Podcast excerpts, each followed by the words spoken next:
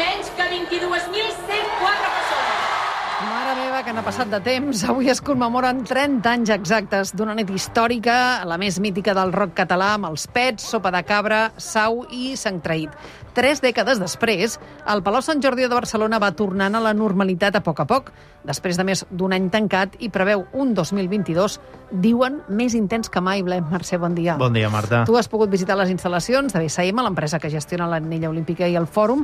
Uh, per començar, podem dir que aquesta tardor tornaran les gires internacionals? Aquesta és la previsió amb què treballen, després d'haver de veure com les gires dels grans artistes s'ajornaven primer una i després dues vegades. Segons la directora d'aquesta unitat de BSM, Barcelona Serveis Municipals, Carme Lanuza, sembla que ja es veu la llum al final del túnel. Els promotors estan amb nosaltres, el món és així, ells creuen i volen recuperar l'activitat l'abans possible, que tothom estiguem vacunats, que les mesures ens permetin i recuperar els primers grans concerts a finals d'aquest any.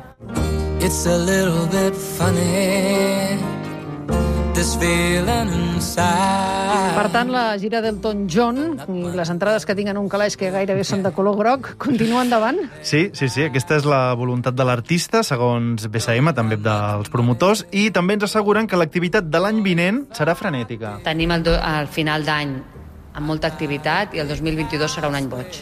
El 2023 comença a estar boig ja.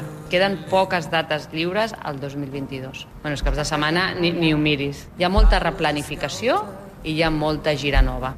Molta gira nova. Escolta'm, eh, els que puguem anar al Sant Jordi, eh, trobarem canvis respecte al que coneixíem d'abans com era?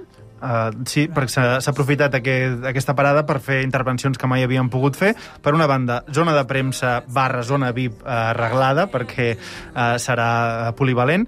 S'ha ampliat l'aforament en pista a més de 600 persones, arribant a les 18.500, i encara més, aquesta potser és la que podràs notar més, uh, no sé si alguna vegada al Sant Jordi has estat en cues allà i has entrat per un accés que no tocava i has hagut de tornar a fer la cua Sí, després. sí, i, ha passat, ha I passat. coses així, caminar moltíssim. Sí. Doncs amb el concert de Love of Lesbian van fer un pla de sectorització perquè el públic no es podia mesclar entre si i aquell I pla de... queda- es Sí, queda. allò que van fer servir es queda i ho aplicaran tant al Sant Jordi com a l'estadi. En principi, eh, suposo que hi haurà cues, però no serà, No serà aquell caos d'abans. No, no, no, perfecte.